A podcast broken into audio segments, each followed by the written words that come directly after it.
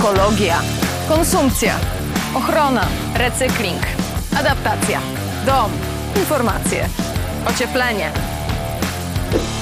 Eko Poradio. Co jeść, żeby żyć eko i o tym, że nie wszystko eko, co się świeci, znów w zasadzie, bo ten wątek wypływa nam przy każdej e, z rozmów. Aneta Osuch, Arkadiusz Wierzba, e, moimi gośćmi dziś. Dzień dobry, cześć, witajcie. Dzień, Dzień dobry, dobry, cześć. Oboje jesteście e, humanistami, tak jak już gdzieś wyczytałam w internetach, to nie jest trudne dziś. Oboje współpracujecie z Fundacją mm, Ekorozwoju, działacie na rzecz środowiska, ale łączy Was y, jeszcze jedna istotna kwestia, czyli upodobania kulinarne. No, jeśli tutaj nawiązujesz do naszych wyborów e, dietetycznych, to powiedziałbym szerzej, że łączą nas e, upodobania etyczne, czy pewien e, światopogląd, z którego wynikają te decyzje dotyczące tego, co zjemy lub nie zjemy. E, bo dlatego, że weganizm jest e, kwestią szerszą niż tylko e, wybór takiego czy innego pokarmu. Bierze pod uwagę dobrostan zwierząt, bierze pod uwagę stosunek w ogóle do środowiska i trochę inaczej ustawia człowieka w ekosystemie. Trochę tą jego rolę królewską i nadrzędną koryguje można powiedzieć, względem tego, jak, jak, jak ta historia Homo sapiens wyglądała. Mhm. Tak, tutaj mówiłeś, powiedziałeś weganizm. Yy można powiedzieć, weganizmów jest dużo. Tak, jest ich dużo. Ja bym chciała zwrócić na, inno, na inny izm. E, e, to się nazywa, Melanie Joy e, wprowadziła to pojęcie, ona jest taką psycholożką społeczną, która się zajmuje jakby takimi psychologicznymi powodami, dla których ludzie jedzą zwierzęta i ona wprowadziła taki termin karnizm od carnivore, czyli mięsożerny. E, to jest, można powiedzieć, taki system przekonań trochę niewidocznych, e, znormalizowanych, e, który mówi o tym, że... Czyli, że przyzwyczailiśmy się przyzwyczailiśmy po prostu do tego, się, że tak. jemy mięso i tak, że w zasadzie wszystko tak, z tym jest okej. Okay. Tak, już wszystko jest z tym okej. Okay, I on że... jest trochę przezroczysty. Jest przezroczysty. Jak, jak, z tym, że nie wiemy, nie wszyscy wiedzą, że mówią prozą, to nie wszyscy wiedzą, że są karniworami czy karniworkami. Tak. No. no a co ze zdrowotną częścią e, jedzenia mięsa? Bo e, rozmawiałam z wieloma dietetykami w swoim życiu i no, są przypadłości, w których jednak to mięso jest nam potrzebne. Zresztą człowiek chyba od zarania dziejów je mięso. Fakt faktem. I tutaj trzeba e, oddać, że tego mięsa jemy stanowczo więcej niż kiedyś, ale czy to jest tak do końca, że ono zupełnie nie powinno występować w naszej diecie? Człowiek jest wszystkożerny, czyli może jeść mięso, e, musi, jest, musi jeść rośliny. Jakbyśmy chcieli jeść tylko mięso, to da, długo nie pożyjemy. I można mówić o diecie zrównoważonej i niezrównoważonej. I można odżywać się korzystając z pokarmu mięsnego i odżywiać się zdrowo. I można odżywiać się korzystając tylko z pokarmów roślinnych i również odżywiać się zdrowo. Kwestia jest zbilansowania tej diety i e, oczywiście pewnej wiedzy na temat tego, jak to, jak to zbilansować. I pewnie są jakieś choroby, przy których trzeba jeść to mięso. E, e kwestią jest na przykład z punktu widzenia ekologicznego, z punktu widzenia kryzysu klimatycznego, w których teraz się rozgrywa na naszych oczach, czy kryzysu ekologicznego, jest to, ile my tego mięsa jemy, y, jak ono jest produkowa produkowane, y, jak wygląda hodowla przemysłowa, jakie zasoby są zużywane na rzecz y, produkcji tego rodzaju żywności, dla kogo żywność zdrowa, zbilansowana, roślinna jest dostępna, w sensie można powiedzieć dostępności ze względu na majętność, klasę społeczną, że tutaj mamy jakby różne uwarunkowania systemowe, na które należałoby wziąć pod uwagę w ogóle zastanawiając się nad rolą mięsa w diecie, nad zdrową dietą dla ludzi, nad produkcją, nad produkcją E, żywności, która jest również dobra dla pracowników, którzy biorą udział przy, przy produkcji tej żywności dla rolników, czyli można powiedzieć, może, można powiedzieć o, o, całym systemie, który należy przeanalizować i w ogóle zastanowić się, gdzie my jesteśmy, co my robimy. E, czyli kto... nie możesz tak w kilku żołnierskich słowach, po, nie wiem, dokonać jakiegoś podziału, kto może, kto powinien, kto absolutnie powinien wykluczyć. To, to, to nie jest takie proste. Nie jest takie proste, bo to nie jest kwestia tego, czy mięso, czy nie mięso. My potrzebujemy składników odżywczych. Dobra, zbilansowana dieta to są składniki odżywcze, nieważne gdzie one się znajdują. Musimy zjeść odpowiednią ilość e, białka, węglowodanów, tłuszczów, musimy zadbać o witaminy i składniki mineralne. Można jeść e, zdrowo, jedząc, e, jedząc mięso, na pewno nie w takiej ilości, jakie, jakie, Jakie jaka jest spożywana obecnie. E, Można jeść niezdrowo, odżywiając się wegańsko i roślinnie, czyli zaniedbując poszczególne elementy w tej diecie, mm, czy na przykład spożywać więcej kalorii niż się zużywa i efektem tego jest nadwaga. Bo na przykład weganizm nie jest cudownym sposobem na to, że, że będziemy chudnąć. Jeśli będziemy jeść tych kalorii więcej niż zużyjemy, no to po prostu będziemy mieli brzuszek. No Tak ja, na przykład przy, ja jak przepraszam, jak no właśnie, wi- bo jak to był nasz na właściwie punkt wyjścia do, do, do tego spotkania, do tego, żebyście tutaj zjawili się y, oboje, bo to jest trochę obalenie mitu, że osoba, e, która jest y, y, weganinem, y, specjalnie powiem to w formie męskoosobowej, to jednak jest szczupła kobieta, a tu się okazuje, że może być też rosły mężczyzna. Znaczy, Rosła rozumiem- kobieta też, No też, ale dzisiaj jasne. nie przeprowadziliśmy. Rozumiem to zaproszenie, że tu odgrywamy rolę takiego we, wegańskich e, To flip, był wasz flipa pomysł. i flapa. To był wasz Ale my to też na zajęciach robimy, dlatego że o ile jak na zaję- prowadzimy zajęcia z różnymi grupami wiekowymi, gdzieś wypływa ten temat naszych wyborów żywieniowych, wszyscy patrzą na netę i kiwają głową, no tak, no oczywiste. I wtedy pojawiam się e, ja, że ja też. Ja już od 8 lat to jest pewne zdziwienie. Niektórzy podejrzewają może jakieś oszustwo. Tymczasem sprawa jest właśnie banalna. No, w, ja po prostu zuży- Zdarza mi się niestety spożywać więcej kalorii niż zużywam, bo prowadzę czasami y, okresowo długo y, try, siedzący tryb życia.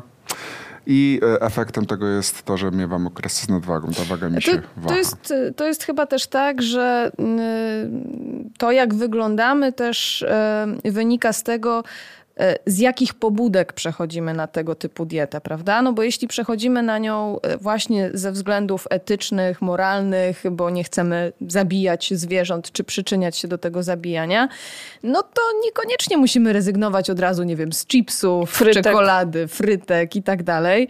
E, No a jeśli ktoś faktycznie przechodzi dlatego, że, że chce schudnąć i zacząć się zdrowie odżywiać, to trochę bardziej na to zwraca Tak, uwagę. te, teraz można by było powiedzieć też, że trudniej jest być e, chudym weganinem, bo e, co jest, można powiedzieć, dobre dla naszych e, łatwości, naszych wyborów e, e, żywieniowych, etycznych, to znaczy dostęp do mnóstwa różnych produktów, e, które nie zawierają składników odzwierzęcych i mamy je w marketach, w dyskontach.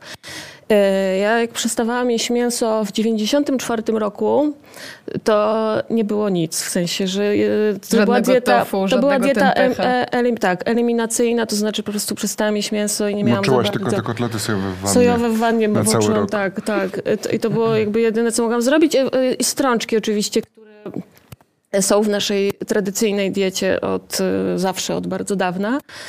E, A teraz no, e, no, praktycznie można zjeść wszystko. Lody, które nie mają w sobie grama mleka. Produkty, które są kotletami, parówkami, kabanosami, mnóstwo różnych rzeczy, których jest nawet w lokalnych Ale to sklepach. wy się chyba powinniście z tego cieszyć, bo Tak. to się robi trochę moda na Tak. weganizm. I dostęp, też dostępność, bo tutaj można by było powiedzieć, że weganizm No wiesz, był trochę domeną klasy średniej, majętnej, którą było Mhm. stać na to, żeby sobie czytać etykiety, bo miała więcej czasu. E, Jeśli chodzi o dostęp do produktów, to one były droższe i że ta dostępność też powoduje, że e, już e, też portfelowo jest nam łatwiej. No ale wiesz, to też jest tak, że jest popyt, jest podaż, tak? To Tak. zawsze działa w tę stronę, więc to by znaczyło, No. że ludzie częściej zaczęli jednak sięgać po te produkty Tak. bezmięsne. Też, ale oczywiście nie tylko jest tak, że jest pod, popyt, to jest podaż. Często e, jesteśmy e, do, do różnych e, wyborów żywieniowych poniekąd zmuszani, to znaczy jest podaż i my kupujemy to, co jest.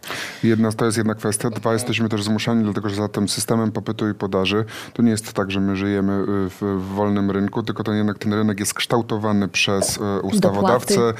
jest kształtowany przez dopłaty, jest kształtowany przez podatki. Ja jako na przykład użytkownik mleka roślinnego płacę za nie więcej, pomimo tego, że mleko krowie czy inne mleko odzwierzęce jest pozyskiwane ze zwierząt, które muszą się żywić roślinami. Ten przelicznik wskazywałby na to, no, że ja powinienem płacić więcej, bo jakby nie przepuszczam e, tego Mniej przez... płacić? Przepraszam, że powinienem te, płacić mniej, bo nie przepuszczam tych, tych roślin przez zwierzęta, tylko od razu jakby dojone są w cudzysłowie te rośliny.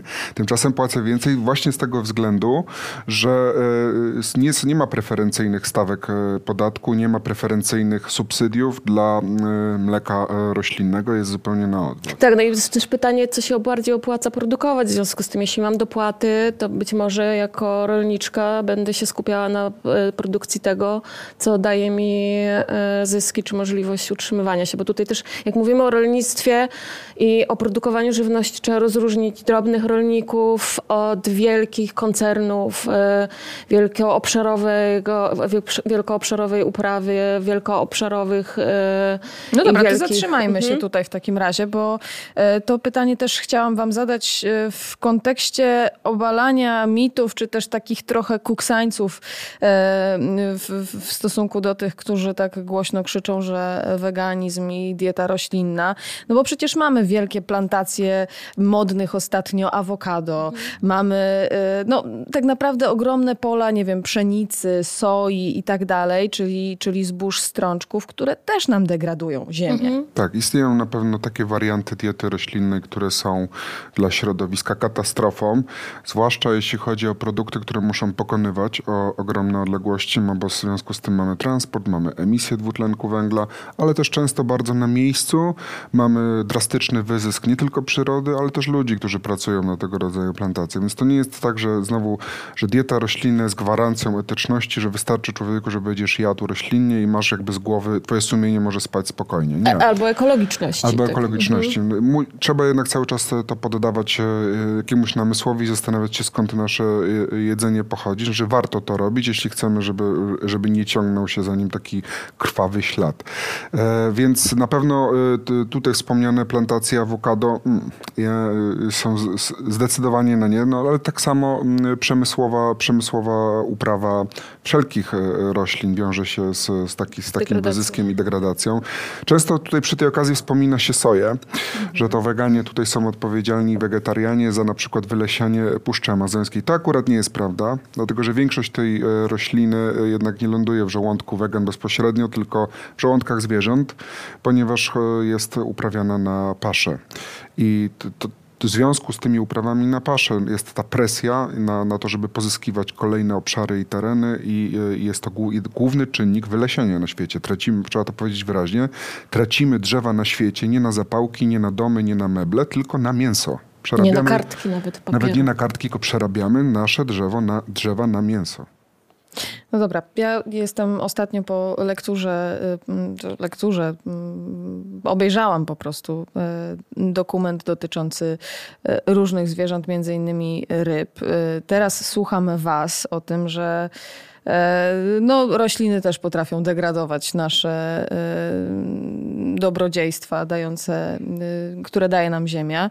No i się zastanawiam, co w takim razie jeść, no bo przecież powietrzem się nie przeżyje. I teraz jest pytanie, czy Co, my- co wybierać? E, Co, to to jest, teraz jest pytanie, czy jakby chcemy się zastanawiać, czy chcemy przerzucać odpowiedzialność na konsumentów, to znaczy ja jako konsumentka idę do sklepu, włączam komputer, przeliczam y, każdą, każ, każdy produkt, patrzę skąd on przybył, liczę. A, masz takie aplikacje, zeskanujesz kod i one ci powiedzą, z czego to się składa Tak. i skąd przybyło i poddajesz Tak, czy to na przykład analizie. jeszcze dodatkowo, jak weźmiemy e, e, pod uwagę to, że opakowania, plastik i w ogóle zanieczyszczenie plastikiem, że to, żeby... Już żeby mnie w ogóle, boli głowa. Tak, i w ogóle jak mam coś zjeść, to prawdopodobnie s- będę miała ogromne poczucie winy i faktycznie przejdę na powietrze, nie?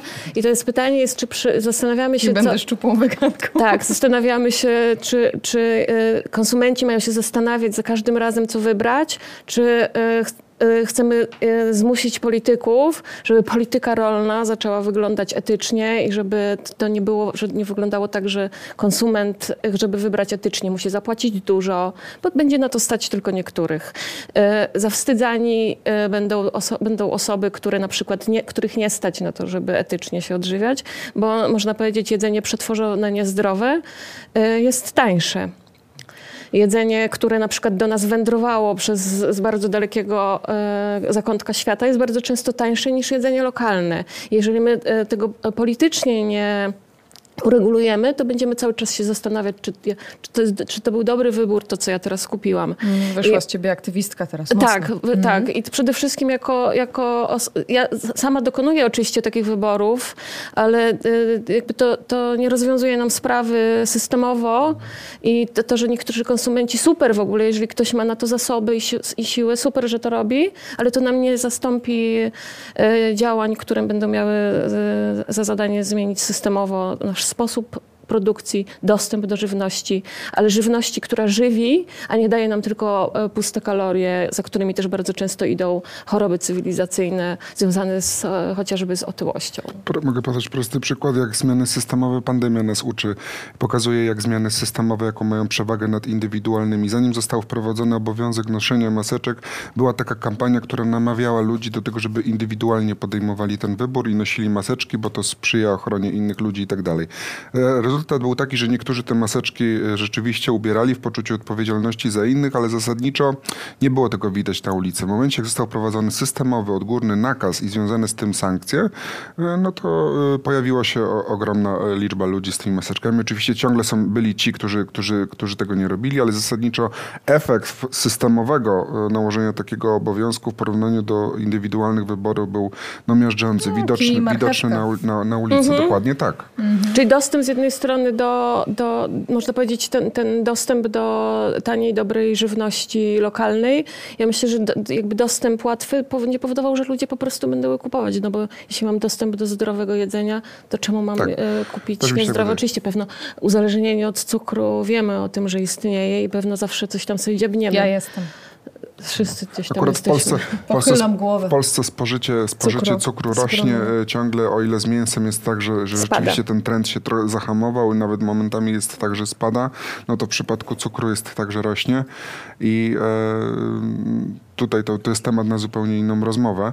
Natomiast jeszcze e, w kwestii... A, uciekło mi, bo rozproszyłaś mnie wodą, też się napiję. Dobra. Dobrze, to, napić, człowieka. to napijcie się, a ja e, przejdę do tego, od czego w zasadzie zaczęliśmy, czyli od tej równowagi, od tego balansu. No bo powiedziałaś na początku takie, takie fajne zdania, aż je sobie tutaj zanotowałam, że e, człowiek musi jeść warzywa, może jeść mięso. No i nie każdy przecież będzie chciał z tego mięsa zupełnie zrezygnować zrezygnować. Tych nizmów, izmów mamy y, całą masę i myślę, że każdy z nich, y, nawet jeśli choć trochę ograniczymy mięso, może się przyczynić do tego, że będziemy jakoś dbać trochę bardziej przynajmniej y, o naszą planetę, to podpowiedzcie proszę, odsuńmy na moment to, czym wy się kierujecie, może, a może nie. Od czego zacząć? Co wykluczyć, żeby jak najbardziej już na początku tej drogi przestać szkodzić planecie? Niewątpliwie e, ograniczenie mięsa można zacząć od tego, żeby wykluczyć pewien jego rodzaj. Na szczycie, jeśli chodzi o ślad ekologiczny czy ślad węglowy mięsa jest wołowina. wołowina. To jest hmm. bez wątpienia. To, A dlaczego? E, dlaczego tak jest? Po pierwsze wołowina, czyli produkcja mięsa e, krowiego, produkcja czyli mięsa krowy. krowiego, czyli krowy, wymaga ogromnej ilości paszy, ale też ogromnej ilości pastwisk. I wody. E, z tych 4 miliardów gruntów, 4 miliardy hektarów gruntów uprawnych, jak sobie o nich pomyślimy, że mniej więcej tyle teraz mamy, musimy je podzielić na, mm, na właśnie uprawę jedzenia dla, dla zwierząt, dla ludzi bezpośrednio plus pastwiska, to aż prawie 3 miliardy idzie na same pastwiska żeby te krowy mogły sobie spacerować, bo one muszą spacerować po to, żeby wytworzyły się te mięśnie, które później zostaną pokrojone na kawałki i sprzedane jako kotlety.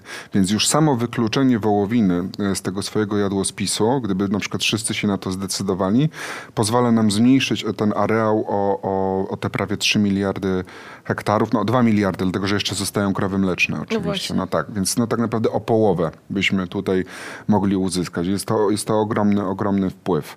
嗯、I w dalszej kolejności można by było myśleć o, o ograniczeniu, e, o ograniczeniu mleku. O mhm. ograniczeniu mleka, o ograniczeniu e, Z tego nabiału. samego względu. Tak. Z tego samego względu. Wcale nie jest tak, że to się odbije jakoś drastycznie na naszym zdrowiu. Jest wiele badań, które też wskazują na to, że e, nadspożycie, czyli nadmierne spożycie akurat właśnie mleka krowiego wcale nie ma dla nas korzystnego wpływu na nasze zdrowie. Wbrew trochę Czyli tej mleko kampanii. będziesz wielki? Mm -mm. Pij mleko będziesz wielki to jest kampania związana z tym, że mamy ogromną kwotę mleczną przyznaną Polsce w ramach e, unijnego rynku rolnego. Produkujemy ilość mleka tak ogromną, z której później powstaje serwatka, że po prostu dodawana jest ona wszędzie, reklamowana na wszystkie sposoby, żeby to, żeby to jakoś sprzedało. upłynnić. Teraz serwatkę to można znaleźć nawet w chlebie, co jest w ogóle absolutnym hitem. E, e, w cudzysłowie oczywiście hitem. Także tak, w dalszej kolejności byłby tutaj... Byłby tak, tylko ja od razu tutaj dodam, tak żeby jak wykluczamy szczególnie nabiał, to dbamy o wapń. Tak. Czyli jego uzupełnienie. Tak, p- patrzymy na to, na przykład jeżeli zamieniamy mleko e, m, krowie na tak zwane mleko roślinne, to na przykład wybieramy mleko fortyfikowane wapniem. Najlepiej, żeby też tam od razu była witamina B12, bo jeśli na przykład rezygnujemy w ogóle z, po, z po, pokarmu od zwierzęcego, to B12 suplementacja jakby wchodzi na stałe. Ale żeby nie było tak łatwo, jak już ktoś zrobi ze względów środowiskowych, ograniczy czy zrezygnuje z wołowiny, to pojawia się taki, e, taka nieprzyjemna e, myśl, że teraz zostaje przy wobec tego drobiu, wieprzowinie, a wołowina, ze względu na to, że te krówki jednak sobie chodzą po tych pastwiskach pod względem dobrostanowym, Jest jest, najlep- jest najlepszym mięsem dobrostanowo dla Dobrostan- tych w sensie- zwierząt. W sensie, że one tak Mały- nie cierpią tak. jak w tych, za przeproszeniem, obozach koncentracyjnych. Więc, y, no, ale to jest dobry moment, żeby powiedzieć, no dobra, jak już ograniczyłem wołowinę i nie umarłem, to myślę, że powinno się udać to samo y, z z drobiem, powinno się udać to samo z wieprzowiną. Z. Dobra wiadomość jest taka, że y, człowiek jako, jako gatunek jest bardzo plastyczny, potrafi się dostosowywać i z jedzeniem jest dokładnie tak samo. Tak jak lubimy najbardziej piosenki, które już słyszeliśmy, to najbardziej lubimy jedzenie, które już jedliśmy. Tak zwane smaki dzieciństwa o tym decydują, tylko że to jest możliwe do korygowania. Ja byłem osobą, która nie wyobrażała sobie życia bez mięsa. Obiady bezmięsne uważa, uważałem za jakiś, jakiś tylko ersatz, substytut obiadu. Dzisiaj y, zupełnie się inaczej żywię i nie jestem w stanie sobie wyobrazić takiej sytuacji, żebym zjadł to mięso. Więc to dowodzi też plastyczności tego naszego układu i A tak, a nie byłeś najmłodszy, jak, prze, jak nie rzucałeś byłem mięso? Nie byłem najmłodszy. No i, i w związku z tym, y, no oczywiście osoby, które są otwarte na nowe doświadczenie mają, mają y, łatwiej, mają z górki, bo to jest po prostu przygoda też. Ja na przykład obecnie żywiąc się tak jak się żywię, jem o, o wiele bardziej zróżnicowany sposób. Raz, że świadomie, dwa, mam, moja dieta jest bardziej zróżnicowana niż dieta, kiedy byłem y, osobą mięsożerną. Pomimo tego, że mam nadwagę, no to jednak wszystkie inne parametry krwi na przykład wyglądają u mnie lepiej. Więc e, te korzyści też gdzieś później się pojawiają na, na, na dalszym etapie stosowania tego rodzaju Tu powiem wam e, przykład ze swojego zdobywania e, świadomości a propos tego dokumentu, o którym wspomniałam, że, e, że go oglądałam i że zrobił na mnie spore wrażenie. Mm, I on był w zasadzie podzielony na takie dwie, e, dwie części. Może ktoś tam z was e, e, oglądał, może wy też go widzieliście, bo nie, nie jest to mało popularny dokument, ale on był podzielony na dwie części. Pierwsza część dotyczyła ryb morskich, oceanicznych. No i jak dobrnęłam prawie do połowy, to myślę sobie, kurczę, dobra, to teraz idę do swojej pani dietetyk i mówię, to proszę mi ułożyć tutaj, ale z tymi słodkowodnymi, no bo one chyba trochę mniej cierpią. Po czym nastąpiła druga część dokumentu i okazało się, że jest absolutnie dokładnie tak samo. Tak, my też jakby mamy ca- całą, można powiedzieć, dziedzinę e, wiedzy, e, która się nazywa Animal Studies. My coraz więcej wiemy na temat zwierząt, ich zdolności poznawczych, emocjonalnych i można powiedzieć, e, zaczęliśmy je coraz bardziej upodmiotawiać i coraz trudniej, e, można powiedzieć, jak już wiemy, że to są takie ziomeczki jak psy czy koty, e, trudniej nam Dlatego jest powiedziałaś je... krowa, a nie wołowina. Tak, tak. tak. Raz, że, że, że ziomeczki jak psy i koty, dwa, że my też coraz więcej wiemy o ich układzie nerwowym, to szczególnie w przypadku ryb. Dowiedzieliśmy się sporo na ich temat i co prawda te ryby głosu nie mają, ale skala cierpienia, kiedy one na przykład są właśnie stłoczone i wiemy, że powierzchnia ich ciała jest tak wrażliwa na dotyk jak ludzkie oko, powierzchnia ludzkiego oka, no to jak się patrzy na, wtedy na na przykład karpie przedświąteczne, to Przemawia krew się, tak, krew się mroży w żyłach. Oczywiście my też mamy mnóstwo mechanizmów obronnych też, żeby się z tym nie, nie kontaktować i e, psychologia nam też już Wyparcie. sporo, tak, sporo o tym mówi. Wyparcie, infrahumanizacja, czyli zaprzeczenie pewnym zdolnościom e, emocjonalnym, pewnym emocjom, pewnym zdolnościom poznawczym tych e, istot e, i cała kultura, która nas oddziela od widzenia w nich właśnie takich ziomeczków. Psy i koty są, można powiedzieć, są z nami i ich nie jemy. Oburzamy się na przykład na tej części świata. tej części świata. Oburzamy się na festiwale w Chinach, na których, w których je się psy. Y, zabija się je się psy, a my robimy to samo kulturowo z świniami i nie widzimy w tym problemu, a świnie od psów różnią się tym, że mają trochę mniej sierści, y, są y, bardziej inteligentne od psów i są fajnymi ziomeczkami. Poznałam parę. Podejdźmy teraz do weganizmu e, w taki trochę szerszy sposób. To ty już na początku powiedziałeś, że jakby to nie tylko jest jedzenie. E, no i właśnie, e, czym jest weganizm? Bo, bo to nie chodzi tylko o, o to, że jemy roślinę i tylko roślinę. Samo pojęcie zostało e, stworzone gdzieś w, w roku 1944, jak powstało to Stowarzyszenie Wegańskie i miało właśnie na celu trochę odróżnić osoby w tym wielkim gronie, już wtedy wspólnocie osób żywiących się wegetariańsko, które rezygnują również z nabiału, bo... bo mm, Produkty odzwierzęce w tak, ogóle. ale, ale wtedy, wtedy mówię ci o począ okay. początek mhm. tej, tej, historii, bo wtedy się mówiło po prostu non-diary vegetarians i zamiast, żeby robić ten takie długo, długie określenie, czyli wegetarianie, którzy nie jedzą też nabiału, no to stworzono pojęcie weganizmu. Więc można mhm. powiedzieć, źródłowo on tak wygląda. Ale z czasem, jak rozwijało się e, to towarzystwo wegańskie, pojawiały się inne wątki. To trochę mi przypomina moją historię z weganizmem, bo ja wcale nie zacząłem od powodów etycznych i środowiskowych. Zupełnie nie. Od czego zacząłeś? Zacząłem od szpanu, że pokażę, że potrafię. Czyli moda. Tak, trochę była to, trochę tutaj moda. Oczywiście to były szpany związane z tym, że w środowisku, tylko że komuś konkretnie, A, okay. konkretnie dziewczynie, że, za, że zaimponuje.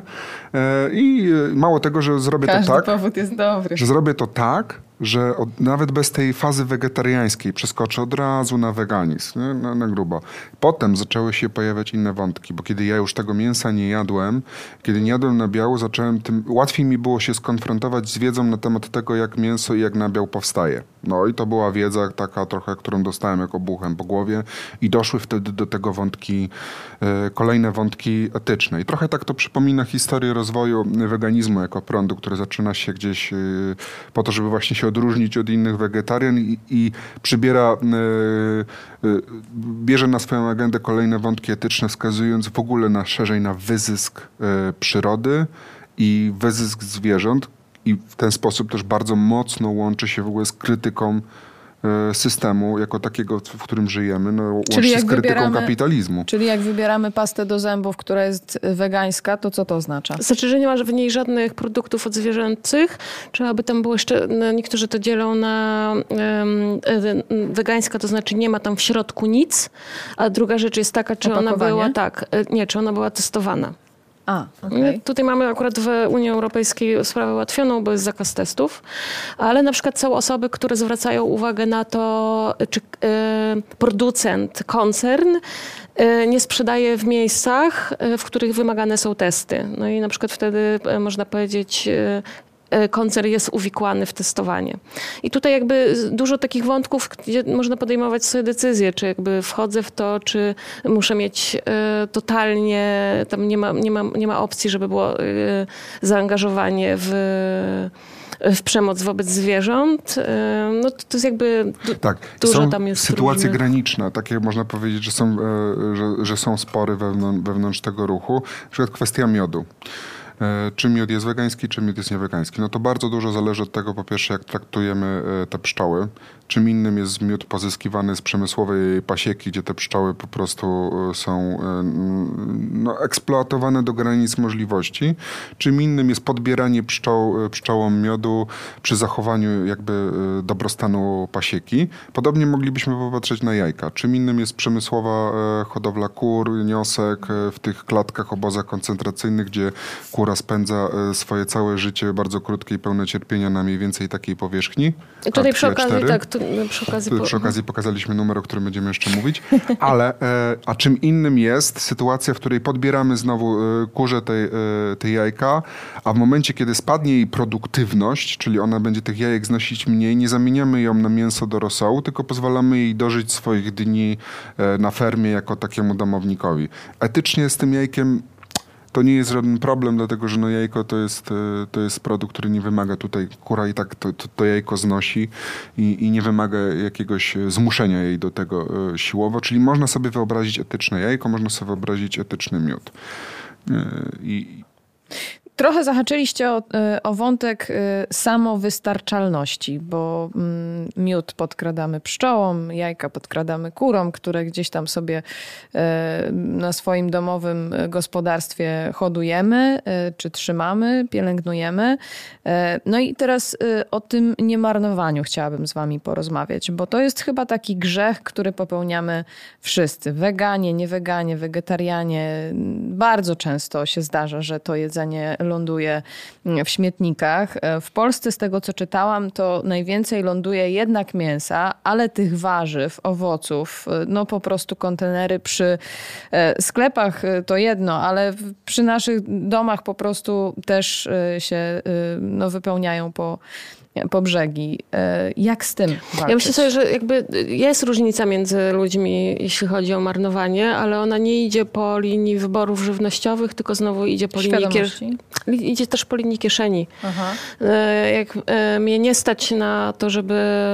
Jak mnie nie stać, to inaczej traktuję jedzenie niż jak mnie stać, bo jak A mnie to stać... się kłóci z tym, co mówiłaś na mhm. początku, bo mówiłaś, że raczej ludzie zamożni idą właśnie w tę świadomość, w wybory, w spędzanie ja, więcej czasu na ja, wy, ja wybieram, a... ja wybieram a potem tego, co, to, czego nie zjem, wyrzucam. Stać mnie na to, żeby sobie kupić. Stać Kupiłem, mnie na nakupiłam to, sobie awokado. Nakupiłam sobie awokado, nie zjadłam. połowa mi zgniła. Tak, połowa mi zgniła. To bardziej o to chodzi, że ja dokonuję wy, wy, wy, wyborów, a później nadmiar wyrzucam. Tutaj ludzie, którzy, których nie stać, jakby ich też nie stać na wyrzucanie.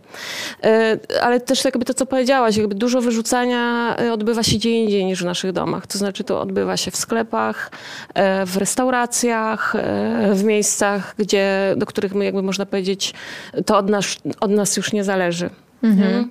No te systemowe zmiany jakoś tam raczkują. Mhm. E, to, to nie jest tak, że to nie jest zupełnie regulowane, ale wciąż e, mhm.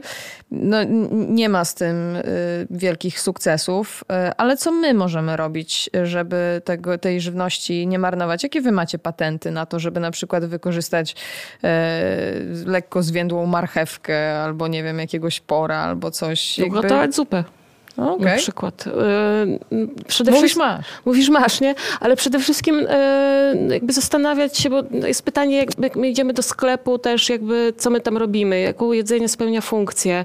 Czy my, y, i to pewno tutaj znowu będą różnice klasowe też, jaką jedzenie spełnia funkcję. Ona czasem spełnia funkcję taką, można powiedzieć, statusową.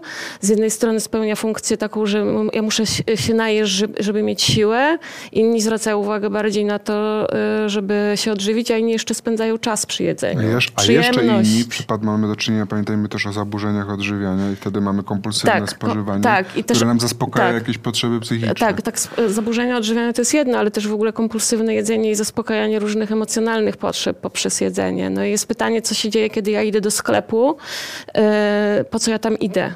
Czy żeby napchać sobie koszyk, e, czy żeby, żeby wiem, co chcę zjeść, wiem, Czyli planowanie. Planowanie. Jakby to takie na, najprostsza rzecz. To, I nie chodzenie to, na głodnego. I nie chodzenie na głodnego, no. A ja bym jeszcze wrócił, bo wydaje mi się, że pytanie o e, marnowanie żywności jest, może być też również pytaniem tak. o mięso, dlatego że mięso jest przykładem systemowego marnowania żywności.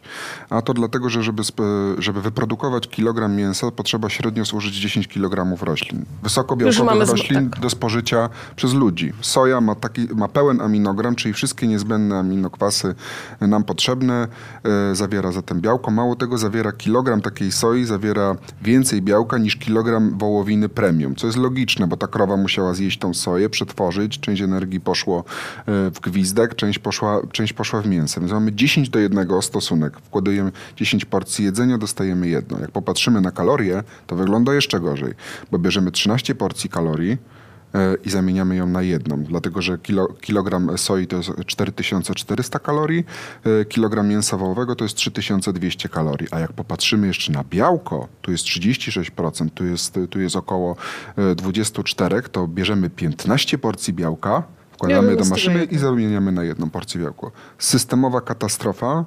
ekonomiczne po prostu, e, e, ekonomiczne marnotrawstwo, które istnieje tylko i wyłącznie dlatego, że jest apetyt na mięso, e, apetyt, e, który jest wspomagany, pobudzany przez, przez przemysł mięsny, który dodatkowo jest stymulowany dotacjami, subsydiami i ulgami podatkowymi. Tak, i tutaj trzeba było właśnie jeszcze by powiedzieć, bo e, ekonomicznie to jest katastrofa, no jak to? Przecież to się wciąż opłaca. Mamy tutaj do czynienia z czymś takim, co się nazywa w ekonomii eksternalizacją kosztów. Jakbyśmy chcieli zobaczyć, gdy- gdybyśmy mieli pła- zapłacić rzeczywistą cenę mięsa, czyli wliczyć w to Zużycie wody, zużycie terenu. Tak, z, e, zanieczyszczenie środowiska, za które e, ktoś miałby zapłacić. To nie byłoby hot doga za 3 zł, I- tylko może za 30. Tak, i jeszcze dodatkowo nie byłoby dopłat, to ta cena mięsa byłaby o wiele wyższa. I z jednej strony można powiedzieć, mięso y, było czymś, było czymś statusowym, ludzie chcieli jeść mięso.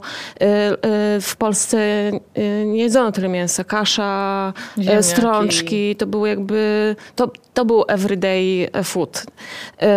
Y, Bogaci jedli mięso i jakby to poszło jakby trochę tak, że chcieliśmy wszyscy jeść mięso, to mięso... Bo chcieliśmy wszyscy być bogaci. Chcieliśmy wszyscy być, i to jest jakby wszystko jest w porządku, że chcemy, że chcielibyśmy żyć na e, lepszym statusie, tylko się okazało, że to ma swoją ciemną stronę I zdrowotną, okazuje się, tak, i środowiskową. zdrowotną, środowiskową i jest pytanie jakby... Może e, gdzie indziej trzeba tego statusu ewentualnie y, szukać i trochę to inaczej wyprofilować. Tak. To nie jest sprawa przegrana, bo mody pokazują, że, mm, że się, raz, że się zmieniają i to szczególnie widać w dużych miastach. Y, Są badania, które pokazują, że w niektórych miastach mamy tych osób, które chcą, y, deklarują niejedzenie mięsa i produktów odzwierzęcych odsetek sięgający 20%. To są takie Tak. bada, badania w ramach kampanii Roślinniejemy chyba przeprowadzone, więc to jest sporo. Oczywiście na mniejszych miasteczkach i na wioskach to wygląda zupełnie inaczej, ale to pokazu, pokazuje Tam też, moda że... zawsze przychodzi trochę Tak, później. raz, że, że przychodzi trochę później, dwa, że no to jest proces. Jesteśmy w trakcie tego procesu, Mhm. obserwujemy jego e, efekty też e, w tym spożyciu, o którym wspominaliśmy, że ono jednak trochę spada.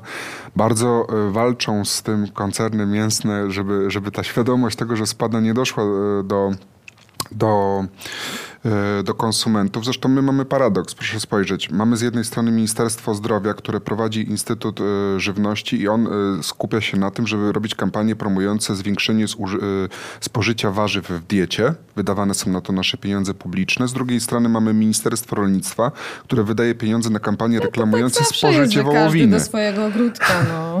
No właśnie, i to jest, na przykład, to jest też właśnie ważne, żeby widzieć, jakby, jakie stoją interesy za, za jedzeniem, bo my, jak, jak ja widzę jedzenie, to sobie myślę tak, o jestem głodna, coś sobie zjem. A tam są wielkie koncerny, wielkie procesy i tam są wielkie interesy i czyjeś zyski. I te zyski e, bardzo często odbywają się kosztem konsumentów, kosztem ich zdrowia, kosztem ich środowiska.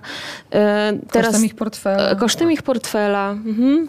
Kosztem też jakby zdrowia publicznego. Jak mówimy o jedzeniu mięsa, to też i o masowej produkcji hodowli zwierząt, to też trzeba wspomnieć o antybiotykach, które są używane w masowej y, hodowli i czy chowie i jakby y, o antybiotykoopornych bakteriach, z którymi zaczynamy mieć problem. Jesteśmy teraz, można powiedzieć, w trakcie wciąż pandemii, nie wiadomo w którą stronę to pójdzie. Mamy tutaj wirusowej, wirusowej, tak, ale jakby my możemy mieć też, e, dla- dlaczego mówię o pandemii, dlatego że nie, nic nie przeszkadza, żebyśmy mieli pandemię e, związaną z e, jakąś antybiotyko... tak, bakterii. I, i, i, I można powiedzieć, z jednej strony dewastacja środowiska, niszczenie habitatów i e, wchodzenie człowieka z jego gospo, e, gospodarką we wszel, wszelkie miejsca, gdzie się tylko da, a z drugiej strony używanie, nadużywanie tych antybiotyków, to jakby to jest dla nas Przepis na katastrofę Przepis na katastrofę. No, No i nam się katastrofy- zrobiło tak, słuchajcie, czarno, że y, nie tylko od waszych ubrań, ale też od tego, co, e, co mówicie, że aż boję się zadawać to pytanie, bo to pytanie pada e, za każdym razem na koniec e, naszego spotkania. E, Wszystkim gościom je zadaję. Trochę się spodziewam po was e, odpowiedzi, ale może mnie zaskoczycie. Żyć eko e, jeszcze prośbą, czy już groźbą? Czyli czy nakazy, czy zakazy. Mm. Czy kij, czy marchewka? Oba. Jeszcze. Oba. Najlepiej, Oba, najlepiej o, o, oba. o, obie rzeczy y, działają. M- Musimy mieć na pewno y, bodźce, które zachęcają do tego, czyli absolutnie przestawić jakby ten cały system dotacyjno-ulgowy na promowanie diety roślinnej. Z drugiej, jeśli będziemy mieli do czynienia na przykład z systemowym marnotrawstwem żywności, no to to powinno być bezwzględnie karane. Zwłaszcza, że podmioty, które się tego dopuszczają, y, to nie są nasi ubodzy krewni, tylko to są wielkie koncerny międzynarodowe, które mają czasami y, przebitki i marże, które pozwalają im konkurować, nie wiem, z kartelami narkotykowymi.